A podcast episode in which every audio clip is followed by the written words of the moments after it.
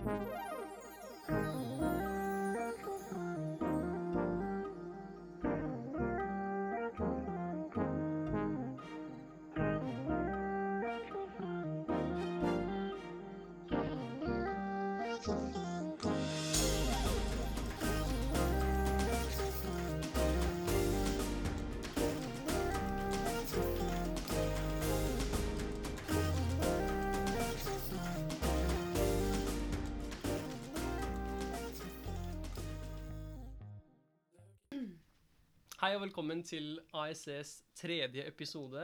I dag har vi med oss som alltid Kadir og vår ærede gjest Inghild, som er danner, eller kaller man det danner? Founder. Stifter. Founder. Founding mother of Sabona. Ja. uh, som er den frivillige organisasjonen vi har valgt å hjelpe i 2020 og 2021. Uh, kan ikke du, Inghild, fortelle oss litt om Sabona? Jo, ehm, Sabona er, eh, er jo en eh, nydelig organisasjon bestående av eh, fantastiske mennesker og samarbeidspartnere som dere. Ja. Det er, vi pleier også å si Sabona-familien.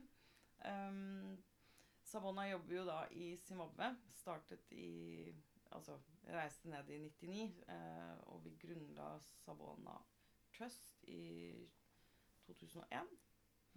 Eh, så det var liksom lokalbefolkningen da, som eh, jeg var veldig heldig å bo sammen med. Og så skapte vi denne organisasjonen som eh, Ja, etter hvert i 2003, tror jeg det var, slutten av 2003, så stiftet vi Sabona i Norge.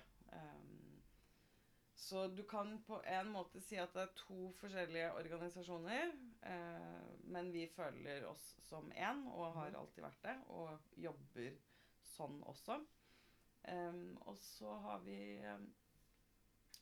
prosjekter innenfor eh, utdanning, helse og jordbruk. Eh, blant annet, egentlig, så kan man vel bare si at vi jobber eh, innenfor ja, nesten alt. Mm.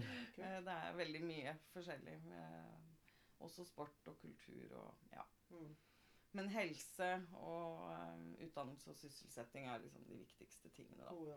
Ja, det er jo eh, det er jo stammene til eh, hvordan en nasjon og populasjon skal være. da. Ikke Så det er jo det er de tingene man må ta tak i hvis man Mm. skal prøve å få ordna noe. Ja. Og det som er viktig for produksjonsvekst, økonomisk vekst, alle disse tingene Hvis man ikke har disse tingene på plass, så får man heller ikke framgang. Gjør jo ikke det. Nei. Nei. Mange av disse prosjektene, altså når vi snakker om hvor mange mennesker vi har nådd ut til for å hjelpe, om det er innenfor helse eller utdannelse eller eh, Så har du jo på en måte eh, Du hjelper ett barn, ikke sant? Eh, så sier man har nådd ut til 100 000, men så består på en måte det ene mennesket du hjelper, Ja. Består er, altså er tilknyttet en familie. Så går Mm. du inn og hjelper en mor eller far eller Mm. barna, da, så hjelper du også hele familien. Du hjelper hele Ja. Ja, det er helt sant, for det er ofte sånn at uh, hvis man hjelper én i familien, så har det liksom hjulpet alle, fordi da får den blir den personen satt i stand til å faktisk gå og jobbe eller skaffe seg utdanning Mm. og, og føre familien videre. da. Så det er jo Nemlig. 14 000 er liksom minstetallet, Mm. og så har du liksom oppimot hva da? Gang det med fem, liksom. Ja, ikke sant? Og bare innenfor helse, da sier man at han har nådd ut til 50 000 mennesker, så si at eh, Eller eh, 70 000, så er det en far ikke sant, Mm. som, som har fått tilbake livet sitt, og så han fikk livsviktige hiv-medisiner f.eks., eller en livsviktig operasjon. da. Ja. Og nå kan han gå tilbake til jobben sin, og, og da blir barna sendt på skole. og ja, Så det er Fantastisk. Og det er jo sånn som Fasi også sa, det er jo det dere har fått til, er faktisk eh, helt insane. Og det er en kul, kul måte du har skapt engasjement på og påvirket så mange liv. Jeg har sykt mange spørsmål, fasisk. Jeg Ja, også. Det bobler i hodet mitt. Jeg, det første jeg lurer på, er Sabona. Hvor kommer ordet fra? Du, eh, Sabona er eh, hei på ndebele. Bona er å se, sånn at det, når du går forbi noen og sier hei, så sier du 'jeg ser deg'. Ah, Å. Så hvis du på en måte unng, altså ikke sier hei til noen mm. når du går forbi eller ser noen, så anerkjenner du på en måte ikke at det er et menneske du går forbi. Mm. Så det er eh, Når jeg har frivillige som kommer til landsbyen, så er det, liksom det er det viktigste. Du må hilse når du Ja. går forbi. Det er klart, i byene så er det ikke sånn at du kan gå og så hilse på alle, men, eh, Kult. men det er ja. Men sånn er det ofte. Jeg, har- nå, jeg har hatt sosiologifag jeg, semesteret her. Mm. Og det har vi jo lært om. For det Altså, når du går fra å være i en landsby til en by Ja. I landsbyen så kjenner alle alle. mm. Ikke sant? Og det er litt rart om du ikke hilser, for da er du liksom, da er du outsideren, eller Ja. du får den andre til å føle seg som en outsider. Ja. Men i byen så blir man bare én iblant alle, ikke sant? Mm. Eh, I forhold til det å være knyttet til liksom som én landsby, og Ja, som, som én kropp, holdt jeg på å si. Ikke sant? Ja. Så det, det, er veldig, det er veldig morsomt hvordan den, hvordan den spenningen er, og hvordan Mm. forskjellen er mellom by og landsby. Mm. Og eh, jeg setter egentlig litt mer pris på sånn landsbyfølelse, Følelse. følelse, for det, det er bedre liksom OK, hei, kj- kjenner deg, liksom. Du ser du, du kan være trygg på meg. Ja. Akkurat, altså, man er en familie, da. Man Ja. er en eh, enhet, liksom. Det er, ja. Og det, det er eh, ekstremt mye av de prosjektene som ligger til grunn for også at de er startet i en landsby. Altså Mm. hvordan man jobber på prosjektet. Um, ja, og tankegangen bak prosjektet. Ja. Så- Kult. Og det er liksom samboende 'Hei, jeg ser deg'. Det er litt sånn eh, 'Jeg ser deg', den er eh, superinteressant, fordi alle vi går rundt og sier hei. Ja. Men det å kunne se noen Mm. betyr jo at jeg liksom Hvis noen ikke har det bra, så ser jeg deg. Og hvis noen har det bra, så ser man eh, liksom den følelsen av å vise Vi setter pris på deg. Mm. Ikke Vi skal hjelpe deg. Mm. Og jeg syns, også det er litt sånn For eksempel på det språket der, da, så er det 'jeg ser deg'. Og så har du et annet språk, som for eksempel arabisk. Der sier du 'fred være med deg' Ja. når du Ja. skal hilse. Så det er sånn Det er noe helt annet enn bare 'hei'. Ja. Og, eller 'halla'. Og, eh, og det kan godt hende at her ligger noe bak 'hei', liksom. Jeg kan Mm. ikke historien til Nei, hvordan Nei, eh, Ikke heller. Hva sa man i nei, Ja, hva sa man i Nei, fordi eh, når man også sier eh, 'fred være med deg', så er jo svaret også til deg også, er det Ja, ikke? ikke sant? Og fred være med deg òg, ja. ikke sant? Mm. Så det er jo det er litt, sånn, det er litt pussig hvordan eh, de forskjellige språkene ikke bare, ikke bare hilser på deg, men også enten ønsker deg noe godt, Ja. eller viser at 'hei, du finnes også', liksom. Og liksom Mm. 'jeg ser deg'. Mm. Så jeg syns det, er er- det er skikkelig spennende. Og jeg blir litt sånn, noen ganger blir litt sånn misunnelig på de andre språkene. Ja, Ja, ja. Sånn, som, så for å være Mm. norsktaler, da, så blir jeg sånn OK, jeg skulle ønske vi også hadde noe sånn vi sa, vi sa vel 'god dag' og sånn tidligere, da, men uh, Ja, ikke sant. Det var det. God dag, ja. Mm. ja, god dag. Ha en god Og det er jo en sånn ja. lykkeønskning. Ja. Det er jo sånn OK, jeg ønsker deg en god dag, og det er jo veldig fint, men det er gått vekk. Mm. Kanskje det har noe med by å gjøre. Ja. At uh, Men hvor tidlig kom du egentlig på navn? Altså, Sabona, var det liksom Når har du tenkt at det er det organisasjonen skal hete? Du, det var um, Det var faktisk, og det er jo litt uh, interessant Det var eh, eh, Kom i 2003. Av, right. ehm, når vi jobbet med å stifte organisasjonen. Okay. Så, så da var det en av eh, jentene som, hadde vært, som var med å stifte eh, Sabona, som hadde vært i Sør-Afrika. Og da snakket vi om det navnet, blant annet. Ja. Og da når jeg dro tilbake til Zimbabwe og snakket med de, så de, Det ønsket de. Ja, kult. Så, kult. Men eh, ett spørsmål som er litt, Der som er litt, som er litt gøy. Nei, men jeg må bare, jeg må bare spørre, for jeg er så nysgjerrig. Ok, Eh, La oss ta annenhver, da. ja, men la meg gå nå. Ok. okay. Hvordan er det en Inghild finner seg i, i Zimbabwe i 1999? Hvordan skjer det? Altså, skal vi jeg, jeg vet at du har lyst til å dra hjem til Nei, og Nei nei, nei, nei, nei, jeg har ikke lyst til å ta Nei, men da sitter vi her i hele natt, da. Det er så jeg lov, det. fortelle henne. Gjerne. Kanskje vi skal kjøre en sånn eh, World's longest podcast? Det var så sykt kult. Ja, men det, det er så gøy, for det er litt sånn Det er ikke fem år siden. Eller, eller ti år siden heller, for da var det jo veldig sånn global... Nå er det jo veldig globalisert Mm. verden, og folk finner seg selv overalt. Mm. Men i 1999 i, i Zimbabwe, liksom, hvordan skjer det? Fra helt fra altså, det var- det var en er jo en veldig sånn Det er veldig tilfeldig at eh, Eller jeg tror jo ikke at det var tilfeldig, men det var en, en um, Egentlig så Jeg hadde en bursdag hvor jeg samlet inn penger. Hadde en støttekonsert. Og så um, hadde jeg tenkt å gi pengene til en organisasjon. En av de store. Jeg hadde liksom ikke noe stort forhold til så, men så leste jeg i løpet av de dagene en artikkel i forhold til penger som hadde gått til våpenproduksjon Mm. i den gang da Zaire. Og det var en norsk finansiert Mm. prosjekt. og da tenkte jeg nei, men disse fantastiske menneskene som har gitt disse pengene, altså og stilt opp gratis og den Jeg vil jo ta ansvar for at Eller jeg vil jo at det skal komme helt frem. Ja, altså sant. ikke bare Forsvinne halvveis. Ja. Mm. Så da begynte jeg å lete etter ehm, eh, eh, Ja, hvor jeg kunne jobbe frivillig kanskje et par-tre måneder, da, tenkte Ja. jeg. Det var Mm. liksom planen. Og selvfølgelig, jeg var 19-20 jeg drev og ringte rundt, og ingen som hadde noe bruk for meg. Ufaglært. eh, ja, nei, så Så tenkte jeg ok, greit, da Nei, og så var det en som sa du, kjenner en norsk dame som jobber i et sånn um, senter for fysisk og psykisk utviklingshemmede. Um, hun jobbet for FN og skulle være, var i Zimbabwe og, og skulle være der Mhm. et år eller noe sånt. Eller et par år. Og så vi pleier å sende penger til henne, og det kommer frem. Da får vi bilder av hva det er. Så tenkte jeg ja, men da kan jeg jo gjøre det. Det er jo kjempefint. Mm. Og så samtidig så prøvde Men jeg hadde jo veldig lyst til å reise ut og jobbe frivillig. Ja. Og det var jo helt umulig. Og så fikk jeg da navn på et barnehjem i Tanzania, et i Sør-Afrika. Faktisk noen leger på Seychellene uh, Mm. alle steder. Ja, det er jo blitt veldig turiststed nå, det. Ja. Nice. og så tenkte jeg ok, jeg drar en uke til Zimbabwe, ser hvordan pengene har blitt brukt, Mm. og besøker hun Grete, som hun damen het. Um, og så lang historie kort når jeg da var der en uke og uh, hadde Altså på den lappen, det telefonnummeret til barnehjemmet begynte jo nesten å bli vaska ut. Ja, Ja, ja.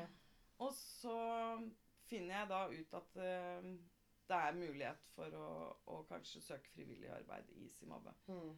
Så da reiser jeg um, etter en uke jeg har vært der i Buloyo, i byen. Så har jeg da fått kontakt med en hvit farmer som uh, tilbyr meg å uh, kunne jobbe der med en amerikansk fredskorpser okay. som hadde et sånt Environmental Education Project. Hmm. Jeg tenkte dette er jo helt fantastisk, og da kanskje jeg kan reise til noen landsbyer rundt og, og kanskje høre om det er noe annet frivillig arbeid jeg kan Og reiste opp dit, og det var jo helt grusomt eh, Hva skal jeg si? Apartheid levde jo i beste velgående i Zimbabwe eh, på den tiden, selv om også Zimbabwe ble jo også et fritt land i 1980, men fremdeles så var det opprettholdt apartheid.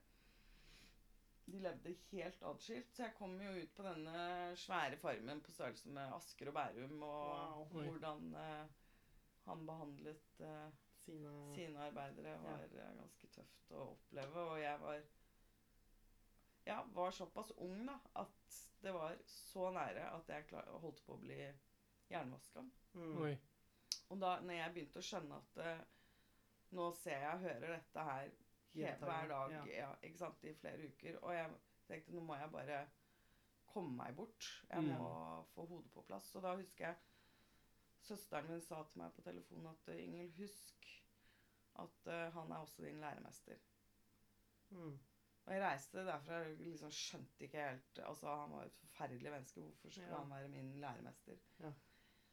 Men ikke sant, i ettertid så har jeg jo forstått at uh, mye av det jeg lærte på den farmen, altså av det Mm. urettferdige, av Mm. de grusomhetene, gjorde meg også i stand til å forstå Mm. hvordan lokalbefolkningen levde. Altså det var mange ting jeg kunne på en måte lære av, da. Ja, Mm. det var det jeg tenkte. så jeg tenker at ofte når, hvis man har mennesker i livet som ikke er bra, og selvfølgelig man ønsker jo ikke å ha eh, Så kan vi også på en måte ha med oss da, at eh, Mm. kanskje dette her er også noe jeg kan lære av. Mm, akkurat det. Altså, det er, ikke- alt man gjør, trenger liksom ikke å være noe, en positiv opp opplevelse, men du kan ja. gjøre det om til en lærdom. Ja. Ikke sant? Ja. Du kan liksom Sånn skal jeg i hvert fall ikke være. Nei. Eh, Eller Hente energi derifra, fordi det virker jo som det var en sånn eh, litt sånn life-changing moment eh, for deg. Ja, det ble jo det. Og så ble det jo veldig sånn Da ble jeg ekstremt bevisst på hva det var jeg ønsket, hvorfor jeg var der, hva jeg skulle. Og da ble det på en måte også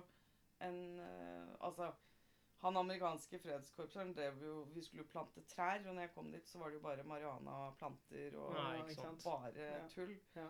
Eh, så veldig raskt så skjønte jeg at dette var et ikke-eksisterende prosjekt. Ja.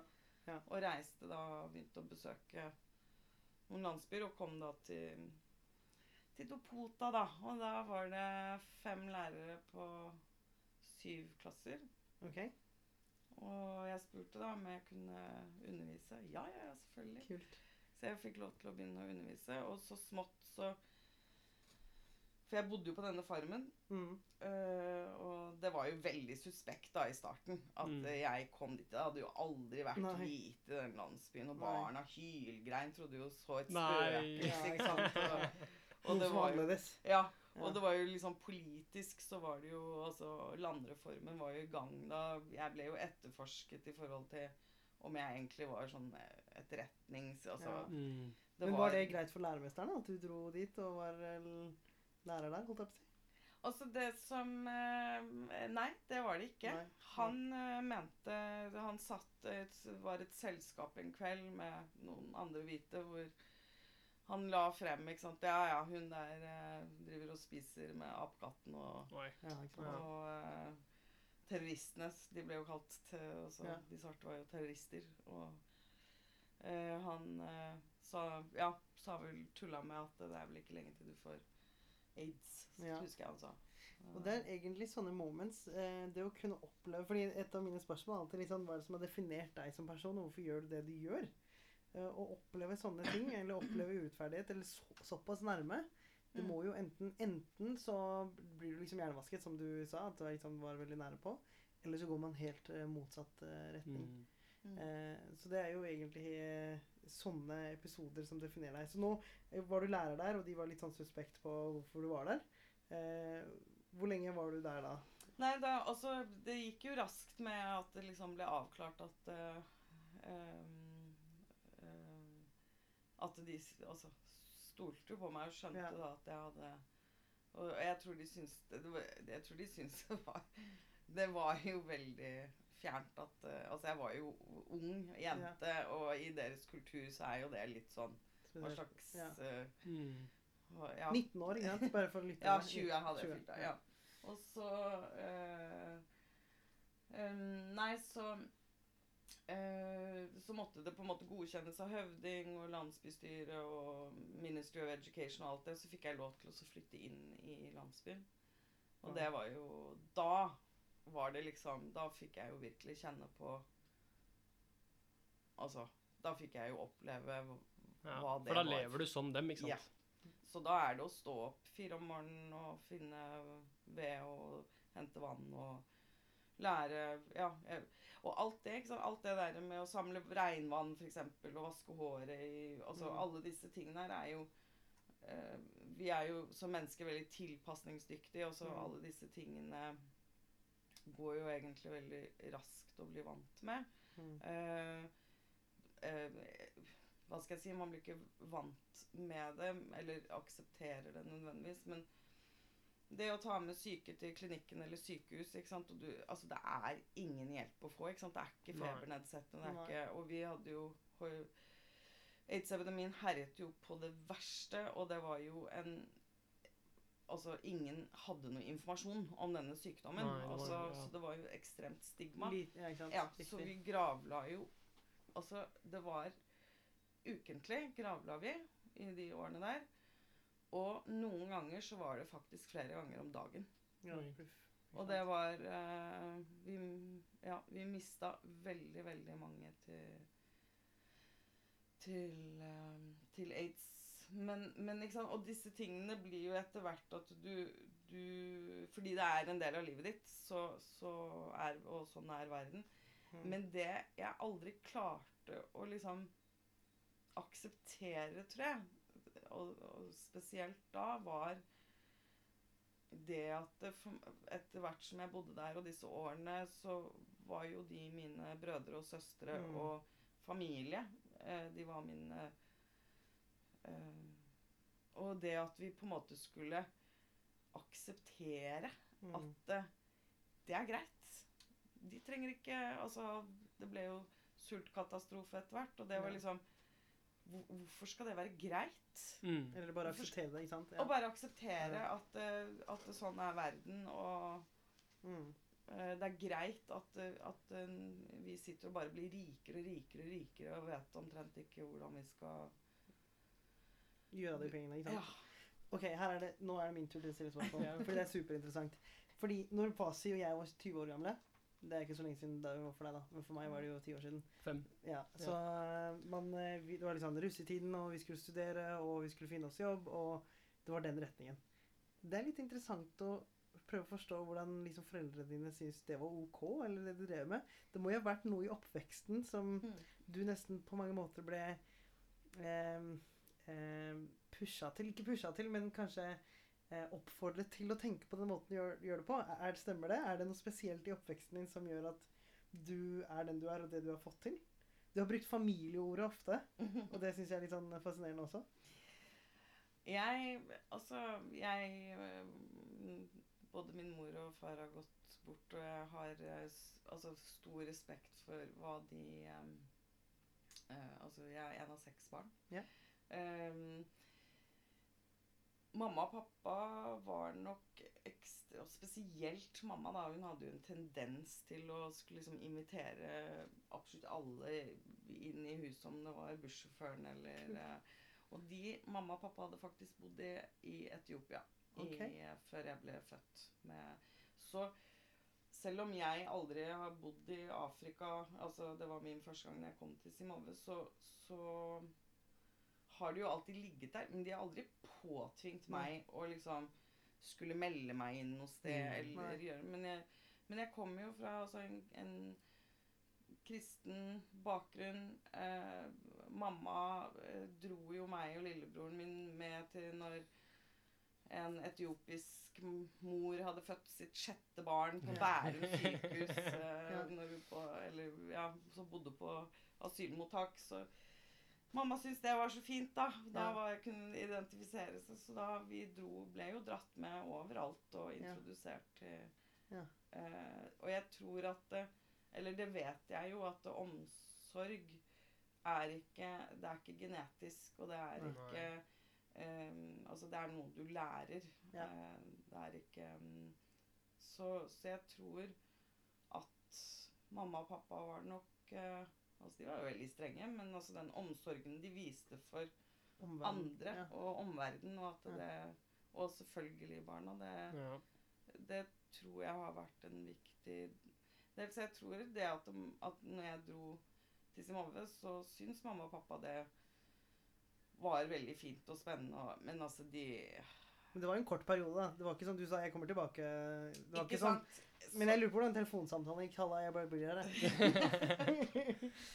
I 2001, da var jo Mugabe på NRK Dagsrevyen sånn ja, ja. daglig. Og eh, da Oi, da blir det pappa og, ja, han ringte meg, og, Ja. for da var det noen hvite farmere. så- Altså, det var jo ja, full Det var jo ordentlige tilstander der. Eh, Mm. Og mye som pågikk, og ekstremt urolig. Eh, men liksom, jeg, vi bodde i landsbyen. Ja. Det var jo altså Mr. Old som ble drept der. Det var jo liksom så langt, Langt unna, ja. Ehm, men etter hvert så ble det jo vanskelig for meg også å være i landsbyen. Og så Ja. når det var valg og en del sånne ting, så måtte de sende meg ut. Fordi Og jeg tror ikke det var nødvendigvis min, bare min sikkerhet. Jeg tror også det at jeg var hvit. Mm. ehm, at jeg ble assosiert med opposisjonspartiet, som mm. startet eksakt den måneden jeg kom til Nå, ja, ikke sant. Det er timing. Ja. Så Men det er litt sånn, du trenger superhelter og bad guys samtidig. Så det er litt annet med å tenke på det. Så det er kanskje superhelt. Pass er det tid til å ta en spalte? Tenker du, Har du questions? Jeg, jeg har questions også, men vi kan jo leke litt på Ja, oss sendingen en det. Spalte. Vi kan starte med takknemlighetsrunden. Okay. Og eh, jeg kan gå først. der er du, der er du forberedt. altså. Jeg er forberedt. For det, er, det har noe med sommer å gjøre. Okay. Og det har noe med nysing og tårer i øynene og, Ja, ja, og kløe i halsen. For jeg har slitt med det i noen år nå. Det har bare blitt verre og verre. Pollenallergi, altså. Mm. Og, eh, og så var jeg hos legen uh, før sommeren kom. Og sa hei, nå må vi gjøre noe. Jeg må få en vaksine eller noe som helst, for det her går ikke. Mm. Men sa nei, vaksinekøen er veldig lang eh, på, på pollen, men du kan jo få øyedråper, nesespray og piller. Og jeg er ikke glad i å liksom gjøre det hver dag, men jeg har gjort det. Jeg har vært trofast mot medisinene, og jeg har ikke merka et snev av pollen. Nice. Så jeg er så sykt takknemlig for Det har vært ekstremt i år, da. Ja, det det er jo Ja, det er jo helt kaos. Du Ja. går og rister på et tre, så bare detter det sånn støv av, men uh... Jeg bare husker terrassen vår. er liksom, eller? inne også, og det er Ja. liksom helt kult. Ja, Alt det er er er superkult. mm. Så det er sykt takknemlig for. Men Good. det er jo helt fantastisk, da. Ja, ja. I hvert fall for en som driver og våkner opp av å klø seg selv i halsen. Ja. Så jeg hører meg selv drive og klø meg selv i halsen mens jeg sover, og da Det går ikke. Så da Og så er, har du en viktig rolle som host også, så det er viktig at vi har deg ja, en, en varm og god hals. En, en stemme som er eh, behagelig å høre på. nice. Ja, hva med, hva med deg, Kadir? Jo, jeg satt og tenkte på det før jeg kom her, og du kom litt inn på det. Jeg er faktisk takknemlig for mine lærere. Og, jeg, og i Norge, for man, det er ikke ofte man tenker så mye på hvor viktig læreryrket egentlig er. Eh, de er med på å forme oss ganske tidlig, som barn og ungdommer.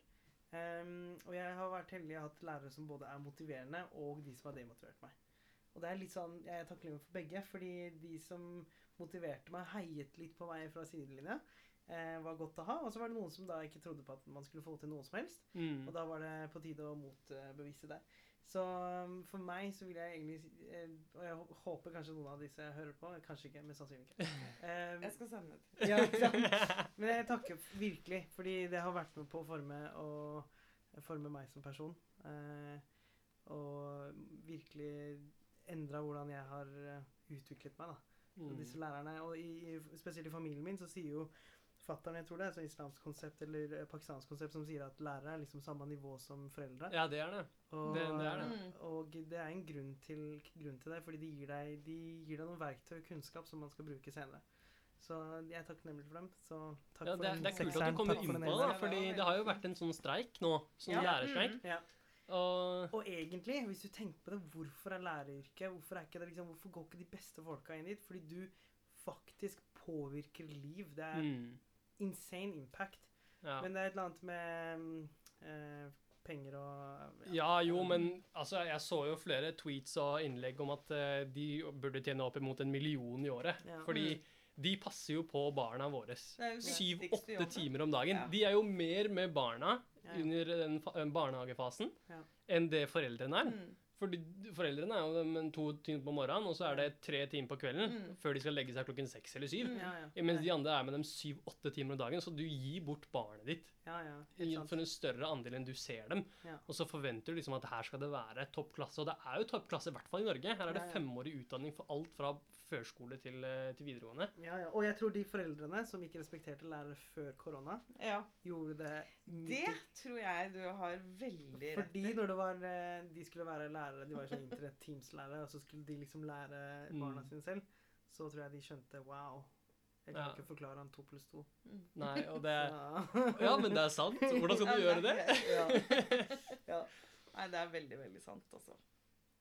Hva med deg, Ingel? Hva er det du er takknemlig for? Å, det er jo så masse. Um, og det er masse. Jeg, alt fra ehm, Bare ta alle. Ja, jeg skal ta det. ja, ja, ja. Nei, men i all hovedsak så er jeg jo ekstremt takknemlig for å, å bo i Norge. Ehm, og vært litt sånn innom sykehus, og da får man også en veldig sånn ekstrem takknemlighet Ja. for uh, at vi har uh, altså det helsevesenet vi har. og Velferdsstaten og måten Ja. ting blir gjort på. Ja. Så det er eh, Men så var det en ting når jeg var på vei ut porten som eh, Hvor jeg, jeg har en sånn busk, uh, thaibærbusk, okay. som jeg uh, beskjærte feil Oi. for noen år siden. Tok for mye eller tok for lite? eller? Jeg tok for For mye. mye. Ja. Feil greiner og sikkert alt. Så det har ikke vært noe bær. Og den blir bare større og større. ja. Og masse torner. Og Oi. Veldig stygg. Ja. Og så vi har snakket litt da med naboen om den skal fjernes da for å Men i dag så jeg masse nye sånne skudd. Ja. Ja, det er nydelig. så det kommer bær i år, så jeg er er veldig takknemlig ja. for det. Ja, da står vi det er stiller vi oss. altså. Det er ikke tull engang. Beskjæring er ikke. Det, det Jeg visste ikke at det var en greie engang. det jeg, nå. Fordi du kan ikke du må Så liksom, hvis du skjærer planta feil, så er planta sånn Nei, nå skal jeg bare gjøre livet ditt til et rent helvete. ja. Fordi du kan ikke ta epletre. Jeg leste meg litt opp på det og YouTube av det. Faktisk, Alt som går opp eller inn i treet, skal fjernes. Og det er masse sånne kompliserte greier. Eh, men kult. Vi gleder oss til at du skal eh, ta med Jeg neste inviterer Ja, på sånn thaibærpai. Vi kommer. Gleder meg. Men vet du hva jeg tenkte på? Når du nevnte det med, med helsevesenet, så sa du når du, eh, når du våkner, altså når du er i, i landsbyen nede i, i Zimbabwe, da, så sier du at eh, du må våkne fire på morgenen for å hente vann. Ikke sant? Og du går liksom ikke to meter til krana. Det er ofte hva da, en kilometer bort til brønnen, eller mer eller mindre. Og det tar jo ofte opp mot en-to timer om dagen. Og hvor mye du setter pris på det etter det, etter Ja. å ha kommet hit. Ja. Ja. Hvor takknemlig man føler for at hei, jeg kan bare gå bort til krana. Og, og noen ganger så føler man sånn Ei, det her er litt for bra. Ikke sant? Mm. Det er litt Mm. for greit at jeg har det så enkelt. Mm. Mm. Og, og når man først har opplevd de tingene og, og har gjort den andre delen nå, der hvor du har gått de kilometerne for å hente det vannet, Mm. så setter du sykt mye pris på eh, hvor enkelt uh, man har det. Som Ja, ja. igjen Mm. burde, burde motivere deg Mm. til Ja, å liksom gjøre sånn at Sørge for at andre får det også. Andre får det også. Mm. Ja, Mm. helt enig. Så det syns jeg var eh, man, og man blir jo veldig tilknyttet naturen nå. Ja. Du, du blir i ett med naturen, Ja, og det er du ikke her i, i, i Norge eller et sted der hvor, der hvor du bor i en by. da. Nei. Fordi her er det jo Hvor mye natur er det? Det er gå turer i stien, men det hjelper jo ikke. Det har jo ikke noe å si for den naturlige klokken vi har i kroppen heller.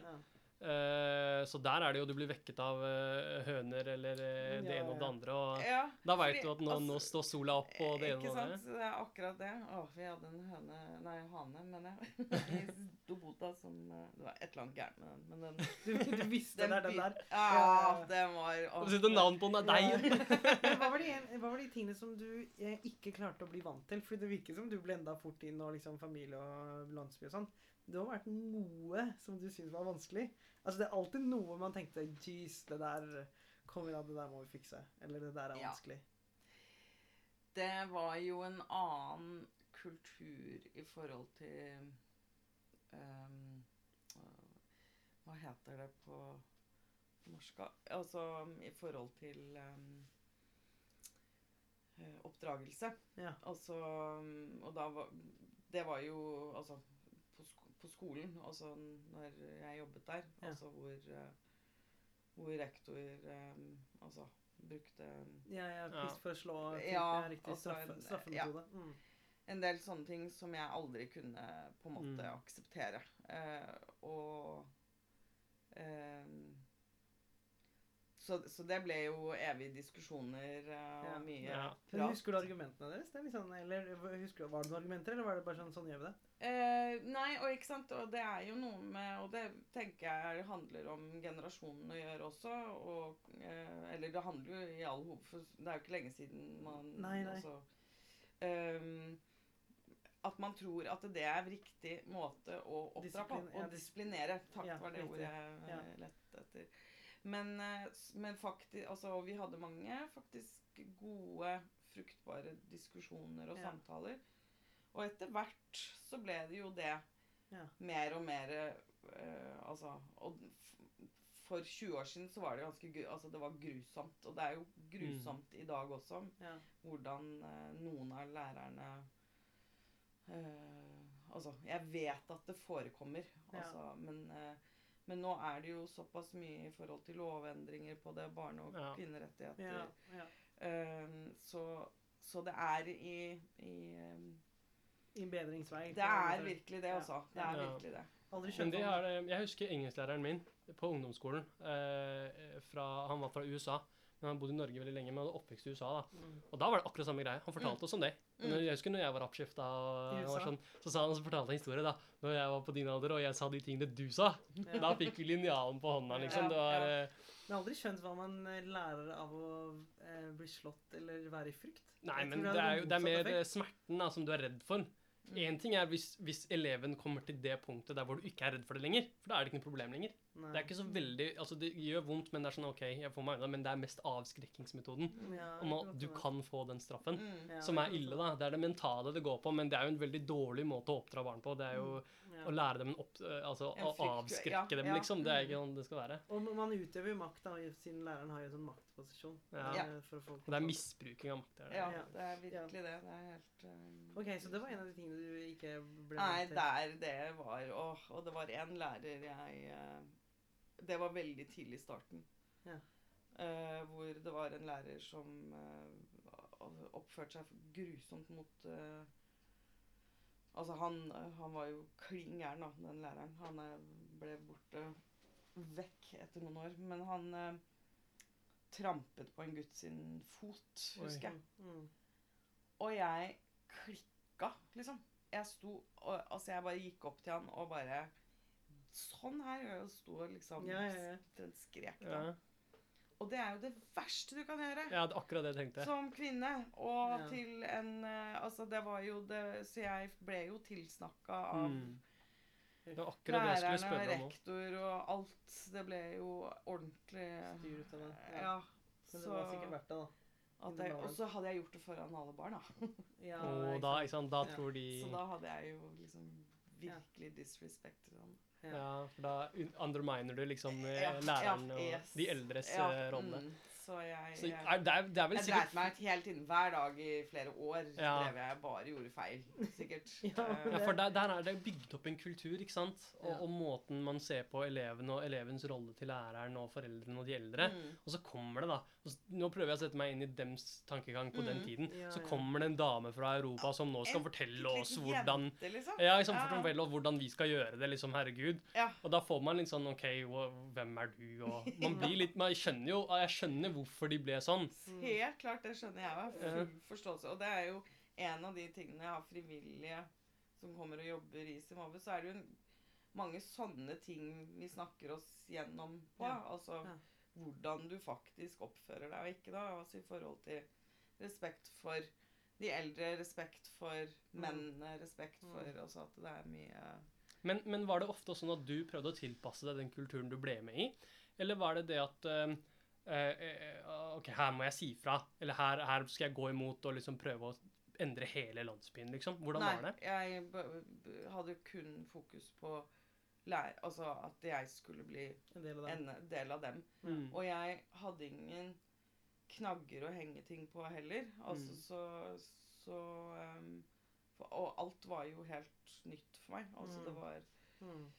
Øh, Jeg var, hadde jo egentlig ikke blitt ordentlig voksen heller, kanskje, ennå. Jeg vet ikke. Ehm, nei, så det men, men det var en av de tingene det, som jeg sa ifra om. Men, men ellers så var det jo ekstremt mye jeg måtte bare akseptere. Ja, bite tunga. Ja, og så bare OK, sånn Det lærer deg tålmodighet, da. Ja, og det, man må jo sikkert være litt sånn strategisk. Man må choose your battles. Å ja. Oh, ja. Det er helt uh... Og man må kanskje bomme på Ah, det var feil battle. Ja, ja, men altså, man er jo 20 på den alderen. mm, Og du har ikke den samme mentale kontrollen som du har når du er litt eldre og har gått gjennom flere ting. sant? Så da er det ofte sånn at man er veldig sånn Hei, sånn gjør du ikke. ikke sant? Ut av reaksjon. Ut av adrenalin. Ja, ja, det var bare helt Ja. Vanlig, naturlig, sånn spot on. Inst- ja. Selv om man vet at hei, jeg burde egentlig ikke gjøre det her. Liksom. Det er Mm. ikke smart for meg å gjøre det, men du kan du, du can't help it. Så ja. da, men jeg tenker det var sikkert en sånn gjeng med damer som egentlig skjult drev og heiet på deg og hadde en egen sånn Facebook-group. Men det jeg satt og tenkte på, hvis du skulle Hvis du hadde begynt med det i år, la oss si du var 19 år gammel i år, ville reisen vært annerledes, tror du? For deg? Eller for organisasjonen? Vet du hva, det, også jeg ehm,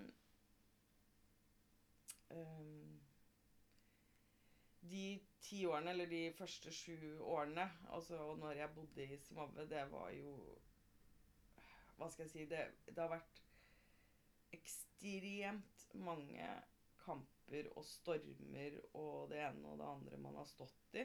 Mm. Um, og nå når vi går gjennom nye stormer, så har det vært en av de tingene som vi har snakket om. da. Og så har jeg snakket med teamet i Zimbabwe om at eh, altså, vi kommer oss gjennom dette her òg. Ja. Liksom. Vi vet det. Ja. Vi Mm. vet at vi kom Altså, vi har vært gjennom Og så kan vi snakke om Husker du Ja, ja. Husker du? Ja, ja, Man trenger litt sånn husker du. Men, ja, ikke sant? Og da, da blir det litt sånn OK, vet du hva. Selv om altså denne tornadoen av en case eller et eller annet man står i som er tøft, så man kommer seg gjennom det òg. Ja. Og jeg tror at da hadde vi ikke hatt de der ekstremt tunge Altså den der lange, lange, lange veien, da. Mm. Eh, altså Jeg vet ikke hvor mange år hvor jeg lurte på OK, er dette her Altså, kan Sabona overleve i morgen, liksom? Ja, altså, kommer dette her til å Ja. Fordi det føltes liksom som man bare Ja. Ehm, Men eh, så er, hva er det de sier da? Eh, hvis du bare fortsetter å gå, så kommer du i mål til Ja, ja. slutt. Ja, ja. Mm. Ja, jeg tror alle som sitter og lytter nå, eller kommer til å høre på episoden eh, Jeg tror det er ganske fascinerende det du sier der.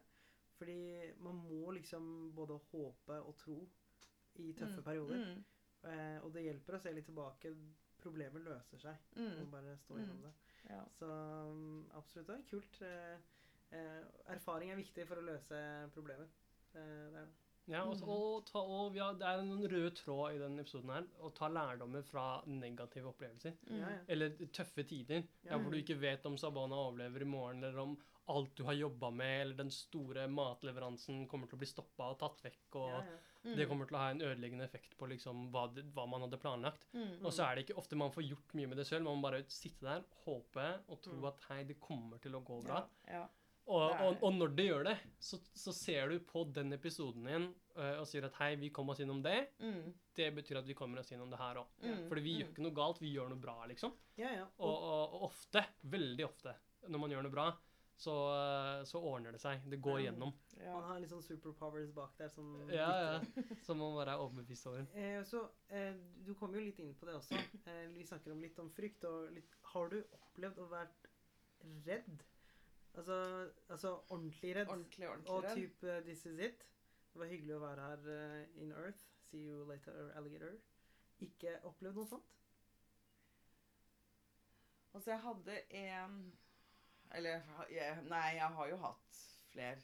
Uh, men jeg har en som på en måte satt en eh, jeg, drev, jeg hadde jo ikke bil. Jeg har fortsatt ikke lappen, noe broren min er dritirritert på. nice. Eh, Kollektiv? Er det det det går i? Ja, kollektivt, Ja, ja. faen, så fikser det. og så Så jeg haika jo Ja. i alle de sju-åtte årene opp og ned. Og noen ganger så var jo det 600 mil Nei, 600, 600 mil. Jorda rundt. 60 kilometer. Ja. Nei, um, 600 kilometer, ja. Uh, frem og tilbake til Dopota, da, altså landsbyen. Og så når vi hadde varelevering og sånn, så hadde vi jo lastebil. Men uh, når jeg skulle bare frem og tilbake, eller skulle noe, så Så det var jo mye haiking. Ja. I de årene hvor det ikke var noen busser, og du visste aldri om når bussen kom, så du står jo bare ved veien og venter på det første som kommer. Ja. Ja.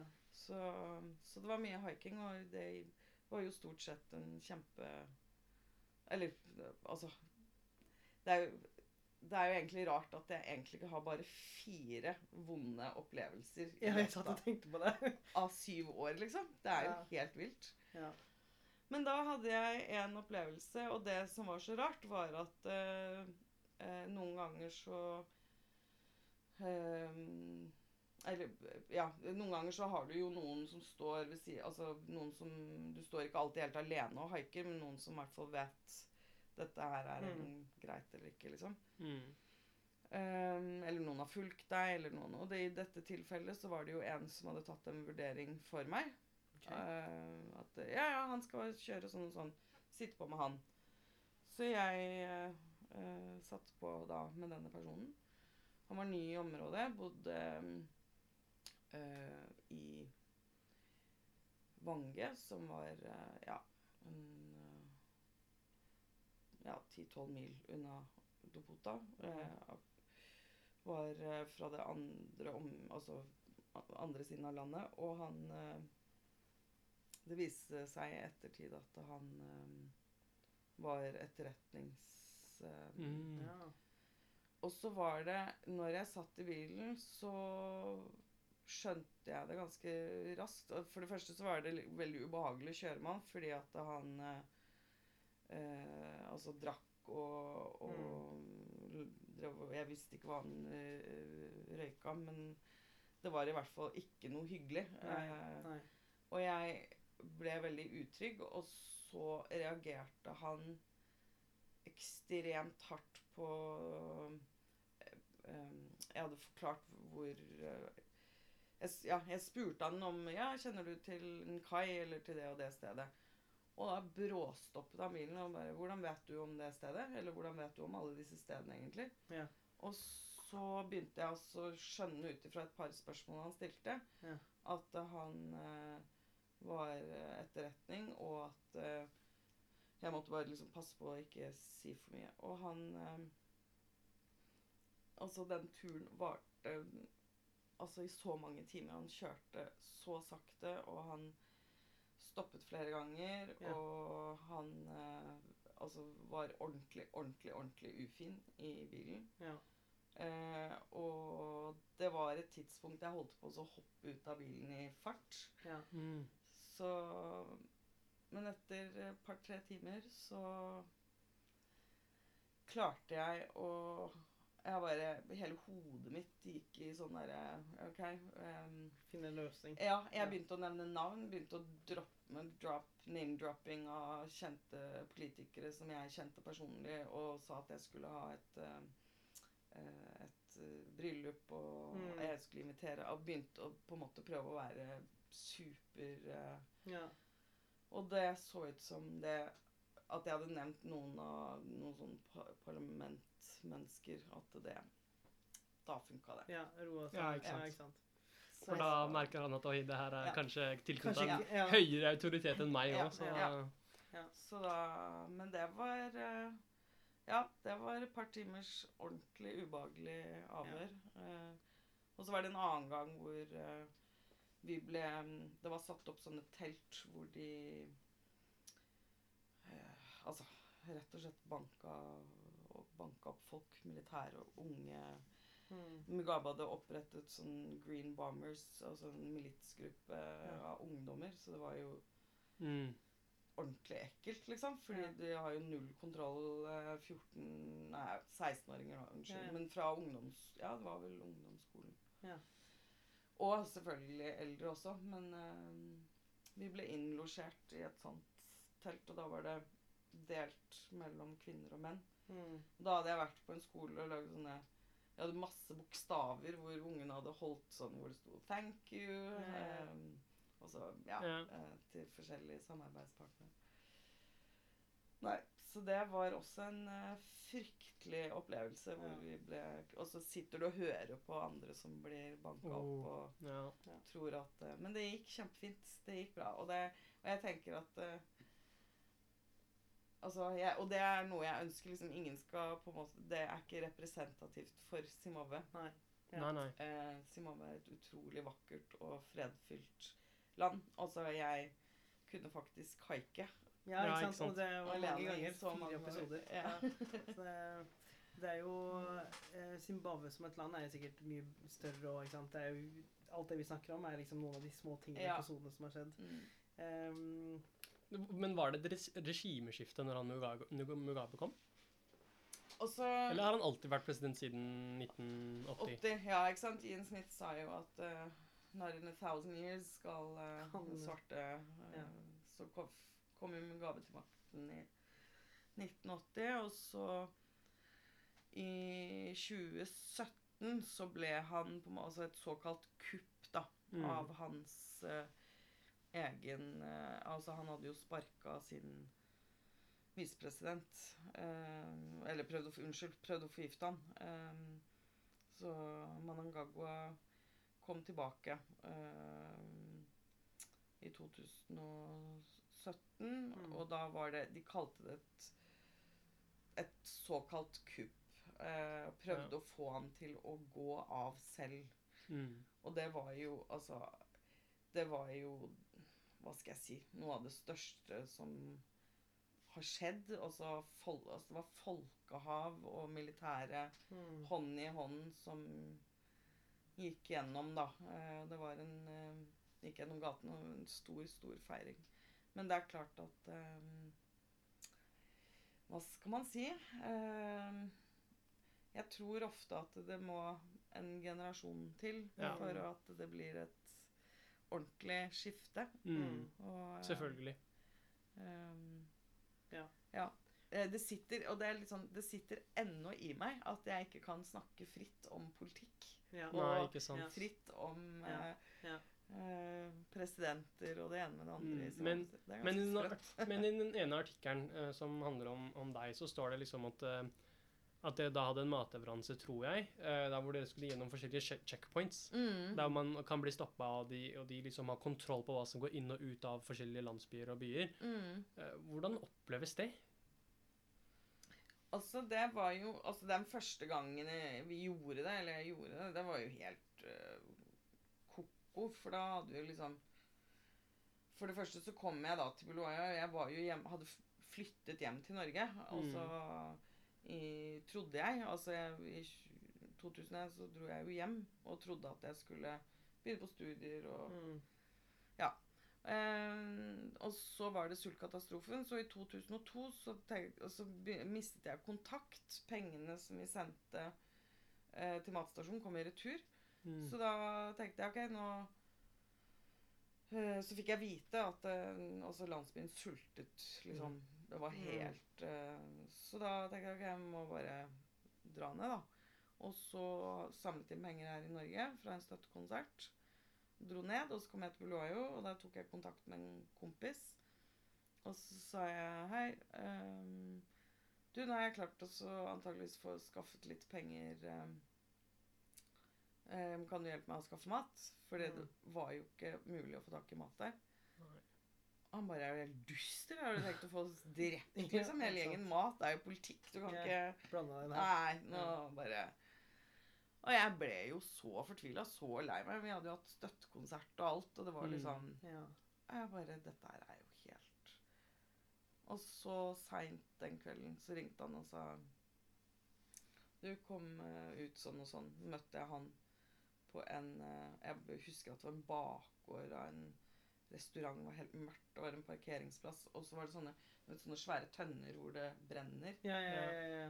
Eh, det høres Ja. Det var i hvert fall For meg så føltes det litt sånn derre Ja, skummelt ut ja, ja den det kvelden. skummelt ut. Ja, og så hadde han samlet fem-seks stykker, og alle hadde telefoner, og på den tiden så var jo det veldig uvanlig. Ja, ja. Så drev de, så sa han nei, greit, Ingel, vi skal prøve å hjelpe deg.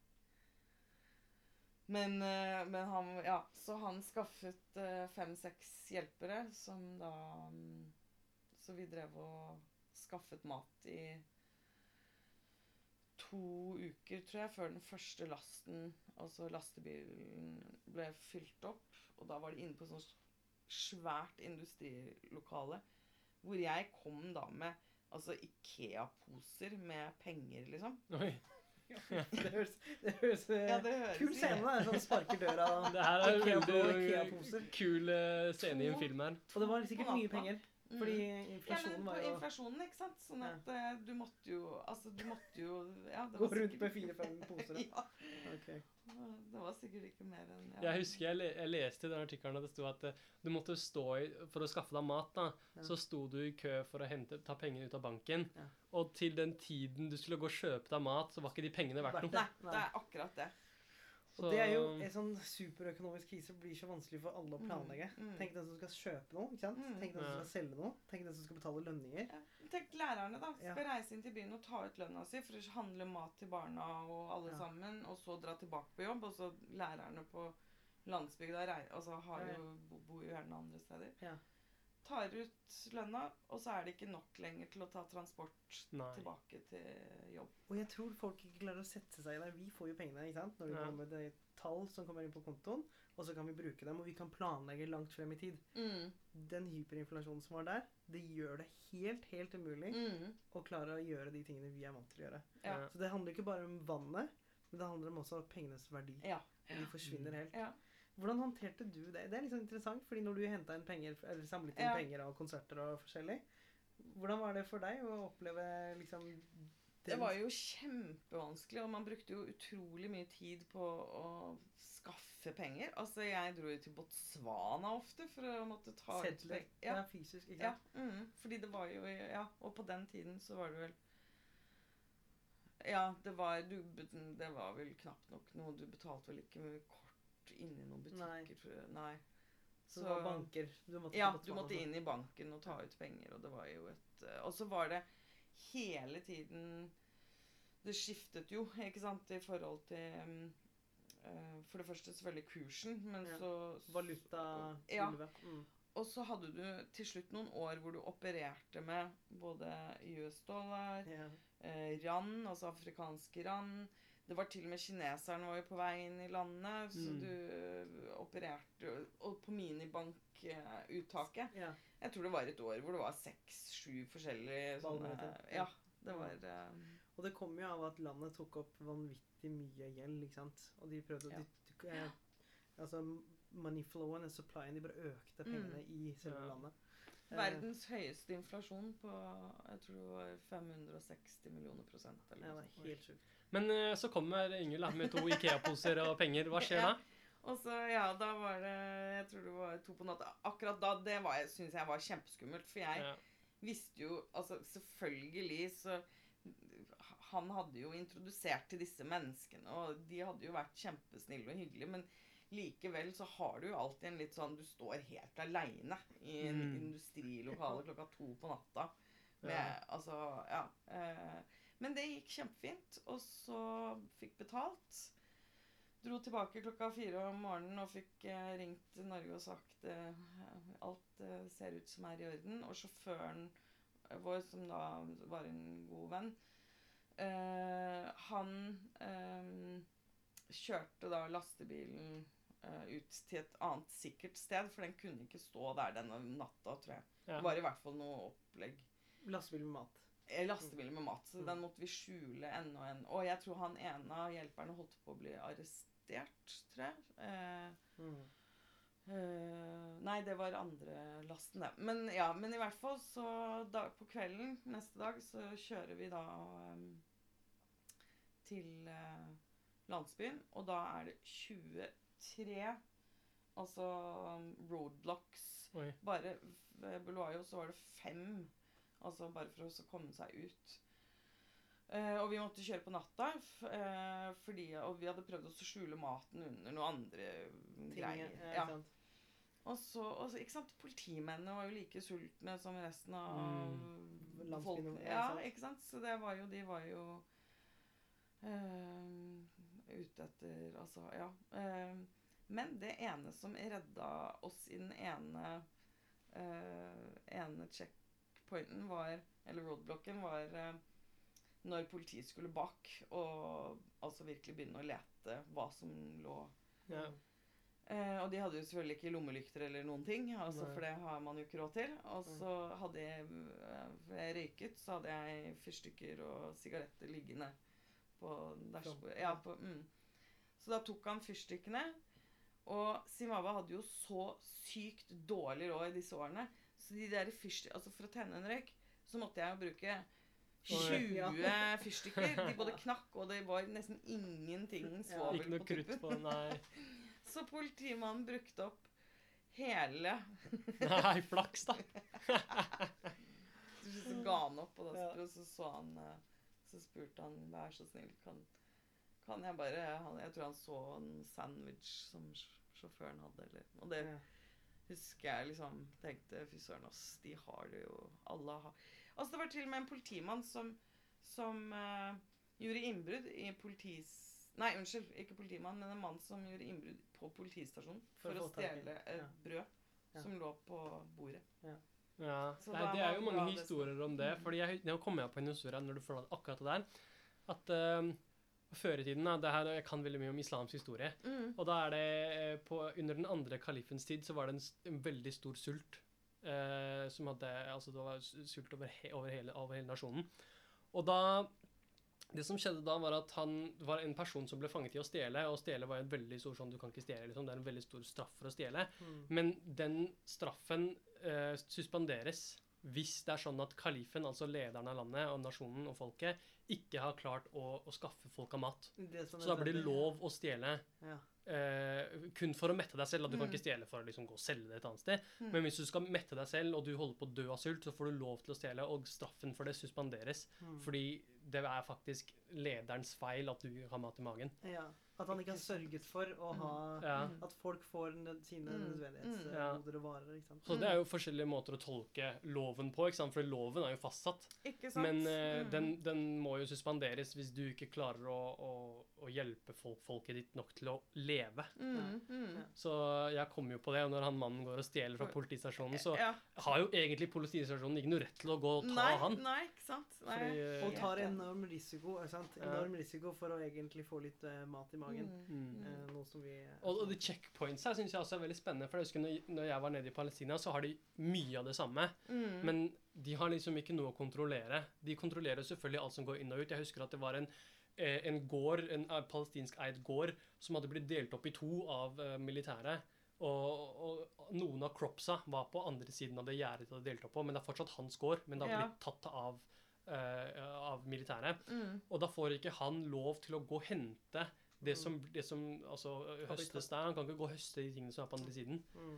Uh, fordi, uh, fordi det har blitt satt et gjerde imellom. Ja. Så det er jo, altså det, Dette med checkpoints er jo helt- helt forferdelig. Jeg husker at vi skulle gjennom en checkpoint i, i Hebron, som er på Vestbredden. Mm. Og da ble jo vi stoppa to ganger av samme folk. Ja. Jeg og han ene som var med meg, ble, vi viste passene våre, og så var vi med en guide.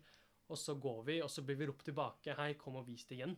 Ja. Og, også var jo han guiden var, er jo en aktivist, da. Altså er han veldig kjent i byen, så liksom de, De militærfolka veit hvem det er, og han er veldig sånn han snakker tilbake og sånn. Du blir helt redd. De står der med sykt store pistoler for å Og du blir sånn Nei, ikke gjør det. Ikke gjør det, det går bra. Jeg kan vise det på nytt. Jeg kan vise det på nytt. Bare se her, liksom. Eh, men også gjør det det, og så sier jo han eh, Og så ber han, han vakten da, ber han holde kjeft. Han Ja. sier det rett ut. Han sier 'hold kjeft' på, på arabisk.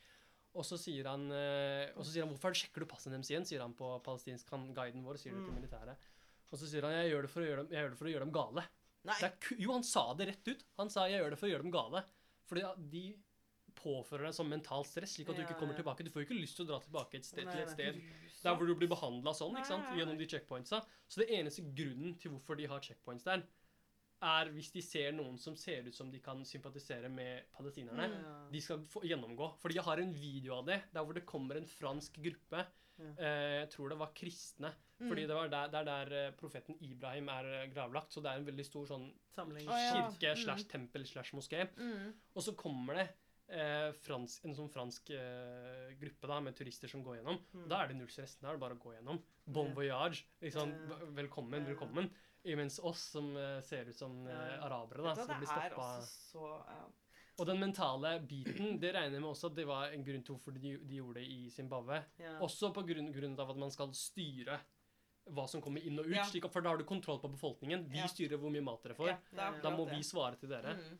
De styr, altså det var Nummer én gikk jo på, på eh, å ha liksom full kontroll på at eh, lokalbefolkningen verken hadde liksom noen altså, Ja. militære opprørsgrupper eller altså Mm. Men da mat spesielt ble jo da brukt i valgkampene. Ja, for da er det, mer, Ja, det er viktigere enn penger. og Det er viktigere enn alt annet. valgkampene fordi de sørget for å gi mat til de de ønsket eh, skulle få mat. ikke sant? Så Ja. de kunne da Mm. sørge for at de beholdt politisk makt. Mm. Ja. Sånn at det ble brukt hele veien. Du visste Og, og faktisk det de også gjorde, som var Altså, du måtte eh, Når det var sånn matutdeling, eller eh, eh, hvis man hadde plutselig et sånt utsalg av maismel, da, som er okay. eh, the staple food, eller det de Ja. Så måtte du vise San, altså SANUPF medlemskort. Ah, For det, å det er få mat. politisk parti? Ja. Ah, Ja, ikke det sant. Så de styrer jo Det er fullstendig kontroll ja, på nødvendigheten. kontroll. Ja. Men jeg syns det er litt spesielt når du går gjennom disse checkpointene. Så synes jeg er litt fascinerende, så jeg kan tenke meg liksom Jeg så for meg at det var litt sånn mørkt hele tiden. Det er ikke sikkert det var det.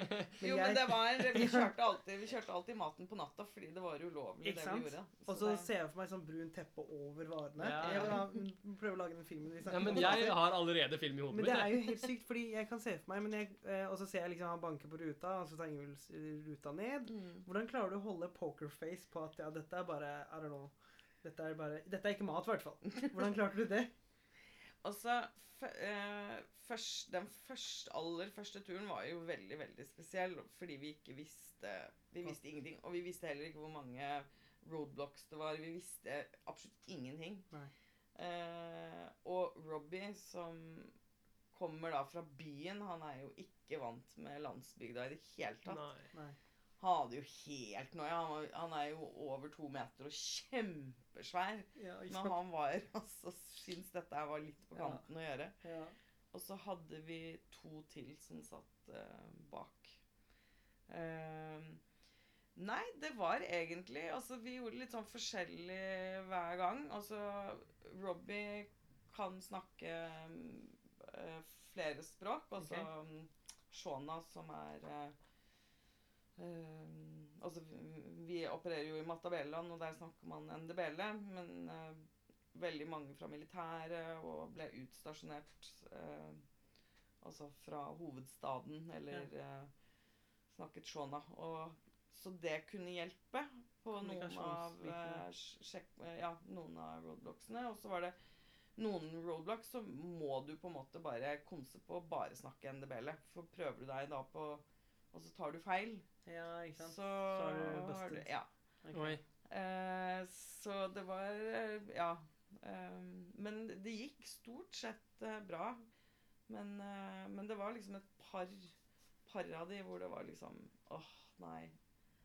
Nå, nå går det til helvete. Ja, ikke sant? Og så kommer vi da ned til endelig liksom uten, forbi den siste, og vi vet nå er det bare Rett frem. ja, rett frem en time, så er vi liksom Det må være en lettelse, ass. Ja, det var lettelse. Ja, da var vi ganske sikre på at her er det ikke noe Mm. flere roadblocks. Og så kommer vi til Dopota, og så kjører vi av hovedveien inn mot landsbyen. Og så plutselig så kommer det en skikkelse løpende ut av mørket og stopper bilen, og jeg ser at eh, det er eh, han som har faktisk kontaktet meg tre måneder I forveien og sagt at de sultet. Og jeg kunne liksom kjenne Altså, han var så tynn. Ja, det var helt Jeg kjente ribbeina når jeg ga han en klem. Sånn skikkelig tynn. Og så sier han 'Ingel, de de venter på deg.' Jeg bare 'Hæ, hva mener du venter på meg?' Det var jo ingen som visste Mm. at jeg skulle komme. Nei, krigsveteranene. Jeg bare 'Hæ?' Ja. Så da hadde 60 De visste Altså, de vent, kan jo Altså, de ventet jo ikke på meg, men da hadde 60 krigsveteraner okkupert skolen. Mm. Oh. Og vi var på vei ned. Vi hadde 40 meter igjen. Mm. Med, med 15-20 tonn mat. Og Robbie bare Kødder du? Vi skal ikke ned dit, Nei. liksom. Nei. Og jeg ble så sinna. Ja. De må jo frykte Men hva endte det med da? Hva endte det med da? Vi drev Jeg husker at eh, Altså Jeg husker at vi drev og Altså at da Og jeg var så fortvila. Jeg var så sinna. Jeg kunne liksom se skolen Mm. der nede og bare Vi er kommet så langt. Vi er jo fremme, liksom. Mm. Og Robbie bare Nei, vi snur. Dette her gjør vi bare ikke, liksom. Og, og så tror jeg vi på en måte bare diskuterte frem og tilbake, og så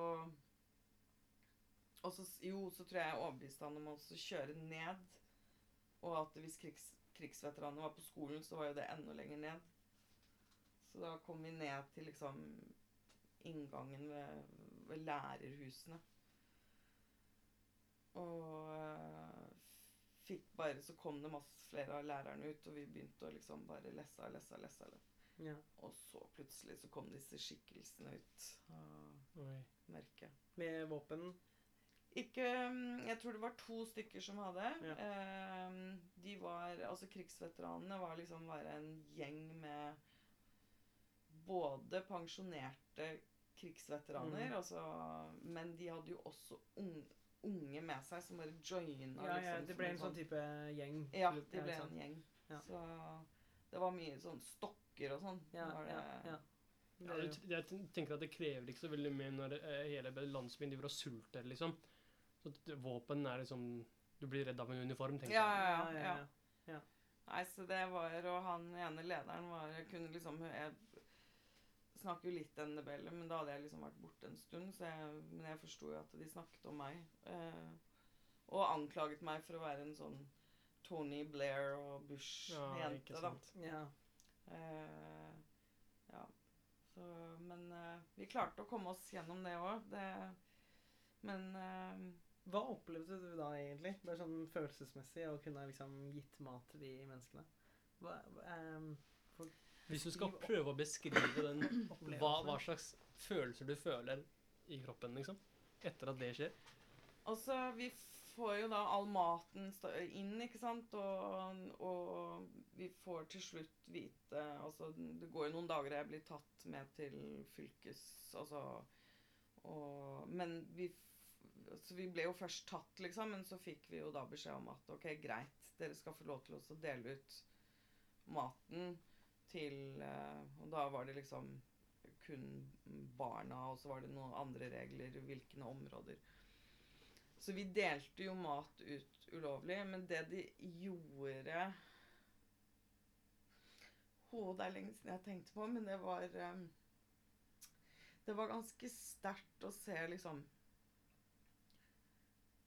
Altså disse Jeg tror vi hadde vel 3000-4000 mennesker som kom Eh, Vi hadde først måttet samle alle disse listene over navn, sånn at vi Mm. var sikre på at absolutt alle husstander var Mm. inkludert, og at Ja. vi hadde gjort det. Og, og rope, rope opp disse navnene og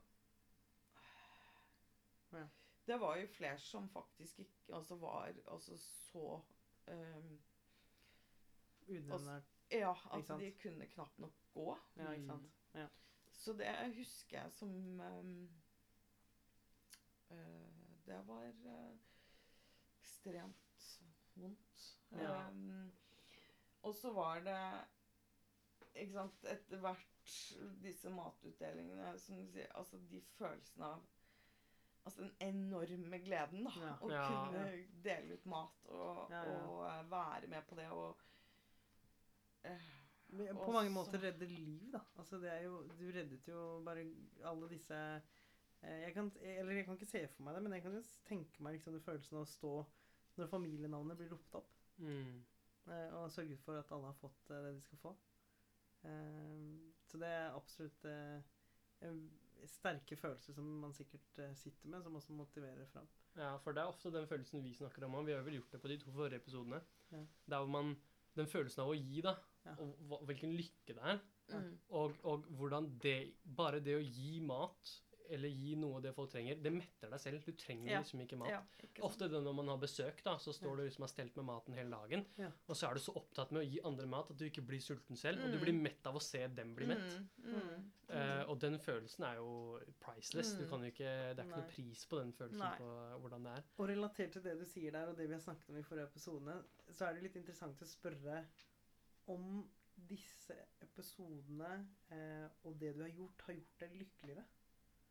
Ikke sant? Du skjønner hvor det spørsmålet kommer fra? Det å liksom hjelpe andre. Føler du at det Er det liksom eh, litt relatert til hva er målet i livet? Ja. Eh, og så kan man ha forskjellige mål. Men i bunn og grunn, for alle, så handler det om å være lykkelig. Mm. Mm. Føler du at disse tingene har gjort deg lykkeligere? Ja, altså så, så absolutt Altså jeg føler li, livet mitt er så ekstremt beriket av alle de menneskene Ja. jeg har fått lov til å bli kjent med og treffe og være med gjennom alle disse årene. Ja. Altså, jeg Ja, jeg bare takker eh, for Altså, ja, jeg føler meg Bare nå. Altså, det å treffe og være med Ja, ja. dere. Altså Ja. Det, og det er det som gjør meg lykkelig og glad. Også, og det å være Kjenne Ja, være med andre, da. Ja. Og være Dele det med andre. Eh, så um, Jeg lurer på hva som hadde skjedd eh, når hun var 19 år gammel og ikke visste bare sånn, ja, vet du hva, Jeg bare fortsetter å studere. Tenk hvor kjipt det hadde vært. Ja, det er to helt forskjellige er veier da, å ta. Men ta eh, spalte, Fasi, det er det jeg tenkte. Neste spalte er Rop ut, hjelp ut. Og da er det ofte sånn at man eh, gir en shout-out til en organisasjon, et selskap, en merke eller en annen podkast. Okay. hva dere vil, egentlig. Som dere har lyst til å sette litt lys på. Som dere setter pris på, eh, eller noe sånt. Og jeg kan starte først. Jeg eh, Eh, Så den skolen vi tidligere har eh, hjulpet i Palestina, de hadde lagt ut en, et, enda et innlegg, eh, for det er en skole for foreldreløse barn i Betlehem. eh, som Innocence, som er en organisasjon eh, som, eh, som støtter, og som de har den skolen som, som fast prosjekt. da. Og, og de hadde nå nylig lagt ut eh, eh, ønske om at folk skulle donere. Og eh, der har jeg vært selv, og jeg har sett og møtt barna og skolen. Og de er helt nydelige. Så Innocence, Innocents, den, foreldreløse, den, så den skolen for foreldreløse barn, vær så snill, hjelp, eh, hjelp til der. Cool. Det var, Det var bra shoutout. Ja, det Mm. var, Det kommer til å få meg til å føle som en total idiot. Takk skal du ha. ja, I like måte. Eh, Shout-out til den lille kafeen i Kragerø. Ja, Det er ikke kødd engang. Men du må jo støtte lokale Ja, altså, jeg og min kone vi var um, en, en helgetur. Vi bare kom oss ut. Um, gikk til Kragerø, og det var sykt varmt. Uh, og så gikk jeg inn dit og var desperat etter å finne noe kaldt. Og da spurte jeg om iskaffe, og så fikk jeg en iscortado. Lærte Ja. hva det var. Så det var shout-out til henne som gjorde at uh, Men husker du navnet på kafeen? Det gjorde jeg ikke. Det var, det var egentlig Det hadde spesialisert seg på kaffe. Så det eneste hun hadde, var liksom Det var veldig tomt, øh, men det hadde masse forskjellige typer kaffebønner. Spurte ikke noe om det. Jeg skulle ha en iskaffe, fikk den. og, Men de er, jeg digger sånt. ja. Folk som er spesialister på sånn nisjeting, liksom, som Ja, kaffe. ja. Så hun står der og har full kontroll på hva du skal ha. Og hun kan lese tanken din, liksom. Du skal ha det der. Jeg Ja, vet ja. du kommer like det. Jeg, jeg, jeg liker ikke som mye, Hun sa islatte eller iscortado, så jeg ok, jeg tar det som har minst melk i seg. Så da fikk jeg en iscortado. Men det, nå, de som går til å høre, kommer til å si wow. Sammenlignet med Fasi, så har du den. Nei, nei, men skjæra til Kragerø Ja. og kafeen der. alle, Jeg anbefaler alle å ta en tur dit. Fantastisk sted. Ja, men det skal jeg gjøre. Åh, ja, det er herlig. Er det meg, da? Mm. Åh, jeg Det er så mange igjen, da, vet du, ikke sant? Eh, men ehm, ehm, Altså, jeg er ekstremt stolt av arbeidet til eh, A Step Closer. Ja, nice. nice. Det er bra. Ja, konge. Perfect. Jeg er helt satt ut, faktisk, av den jobben eh, dere gjør for Sabona også. Um, SIH uh, er uh, altså studentenes uh, internasjonale hjelpefond, er det vel? Mm, ja. Em, ja, jeg syns de fortjener eh, skikkelig ros for den svære jobben de gjør i, med studentene i Zimbabwe. Blant annet. Eh, og det å fokusere på Spesielt nå under koronaepidemien, så er det færre rettigheter også studentene Mm. har. Eh, så ja, jeg syns at det er eh, Det er en bra shout-out, da. eh, Det var SIH. SIH. SIH. Ja, kjære til SIH Og Kragerø. Og som Og Innocent. Så da veit dere hva dere skal søke på Instagram og Google. Ja, ja, ja. Kult. Eh, vi kan hoppe til neste, og det er den jeg har gleda meg mest til. Alright. Fordi uh, det er kvalitetsstempelet. Og, og da gir du enda en share-out til uh, noe du har satt veldig pris på. Det kan være merke, det kan være klær, det kan være alt mulig rart som liksom har satt sånn OK, det her var skikkelig bra. Jeg vil ha mer av det. Eller jeg setter skikkelig pris på at jeg kjøpte det, eller jeg fikk det. Eller hva som helst. Og eh, for meg så er det en dokumentar. Alright. Det er en Fordi nå er det jo sommervær, og folk skal ut og bade og svømme og sånn. Uh, og så kom uh, Abu, som er fra, fra NRK. Uh, Abu Abu. Abu, Bakar Abu. Hussein, Tabu med Abu. Ja, riktig. Og han, han som, mange, som mange, og inkludert meg, Mm. kan ikke svømme. Eller Nei. jeg kan svømme, men jeg sliter med å flyte. Så jeg liksom jeg, Du klarer å redde deg selv. Du klarer jeg, har klart, jeg har klart å redde meg selv to ganger, så jeg leder 2-0 over vannet. Ja. Men uh, han skrev at hvis, det, hvis jeg på en uheldig måte hadde falt uh, ut, i, ut i vannet, Ja. så er det en veldig stor sannsynlighet for at jeg hadde dødd. Og, og jeg er helt enig med ham. Det hadde skjedd med meg òg. Altså- men er ikke det en sånn uh, flere, altså innvandrergreie? Jo, men det er ikke bare innvandrere. Nå kom det, en- nå kom det en rapport frem om at uh, over 50% av tiåringer uh, ja, det til å svømme. Og det, er, og det er på grunn av skolen ikke har lært dem. Ja. Ja. Mm. Så, at de ikke har tilgang på svømmehaller. Ja. så, og, så det er jo eh, i hvert fall når det er så fint vær og alle skal ut og svømme. Mm. Og, og, og det han satte um, lys på, da, var fordi han, når han var liten, så var han den største i klassen. Mm. Høy, bred, Mm. og, og, og da blir du ofte utsatt for mobbing, for det er du som er ulik. Mm. Og så står det er quote her, da, uh, at han tar opp viktige ting som at uh, Altså, jeg kan lese det opp, det er en veldig fin eh, liten passasje. Mm. Uh, quote, husker godt at to av gutta pekte på meg og lo, Mm. men det gjorde de ellers i timene også. Så jeg var usikker på om de lo av hudfargen min, eller om at, eller at jeg var feit.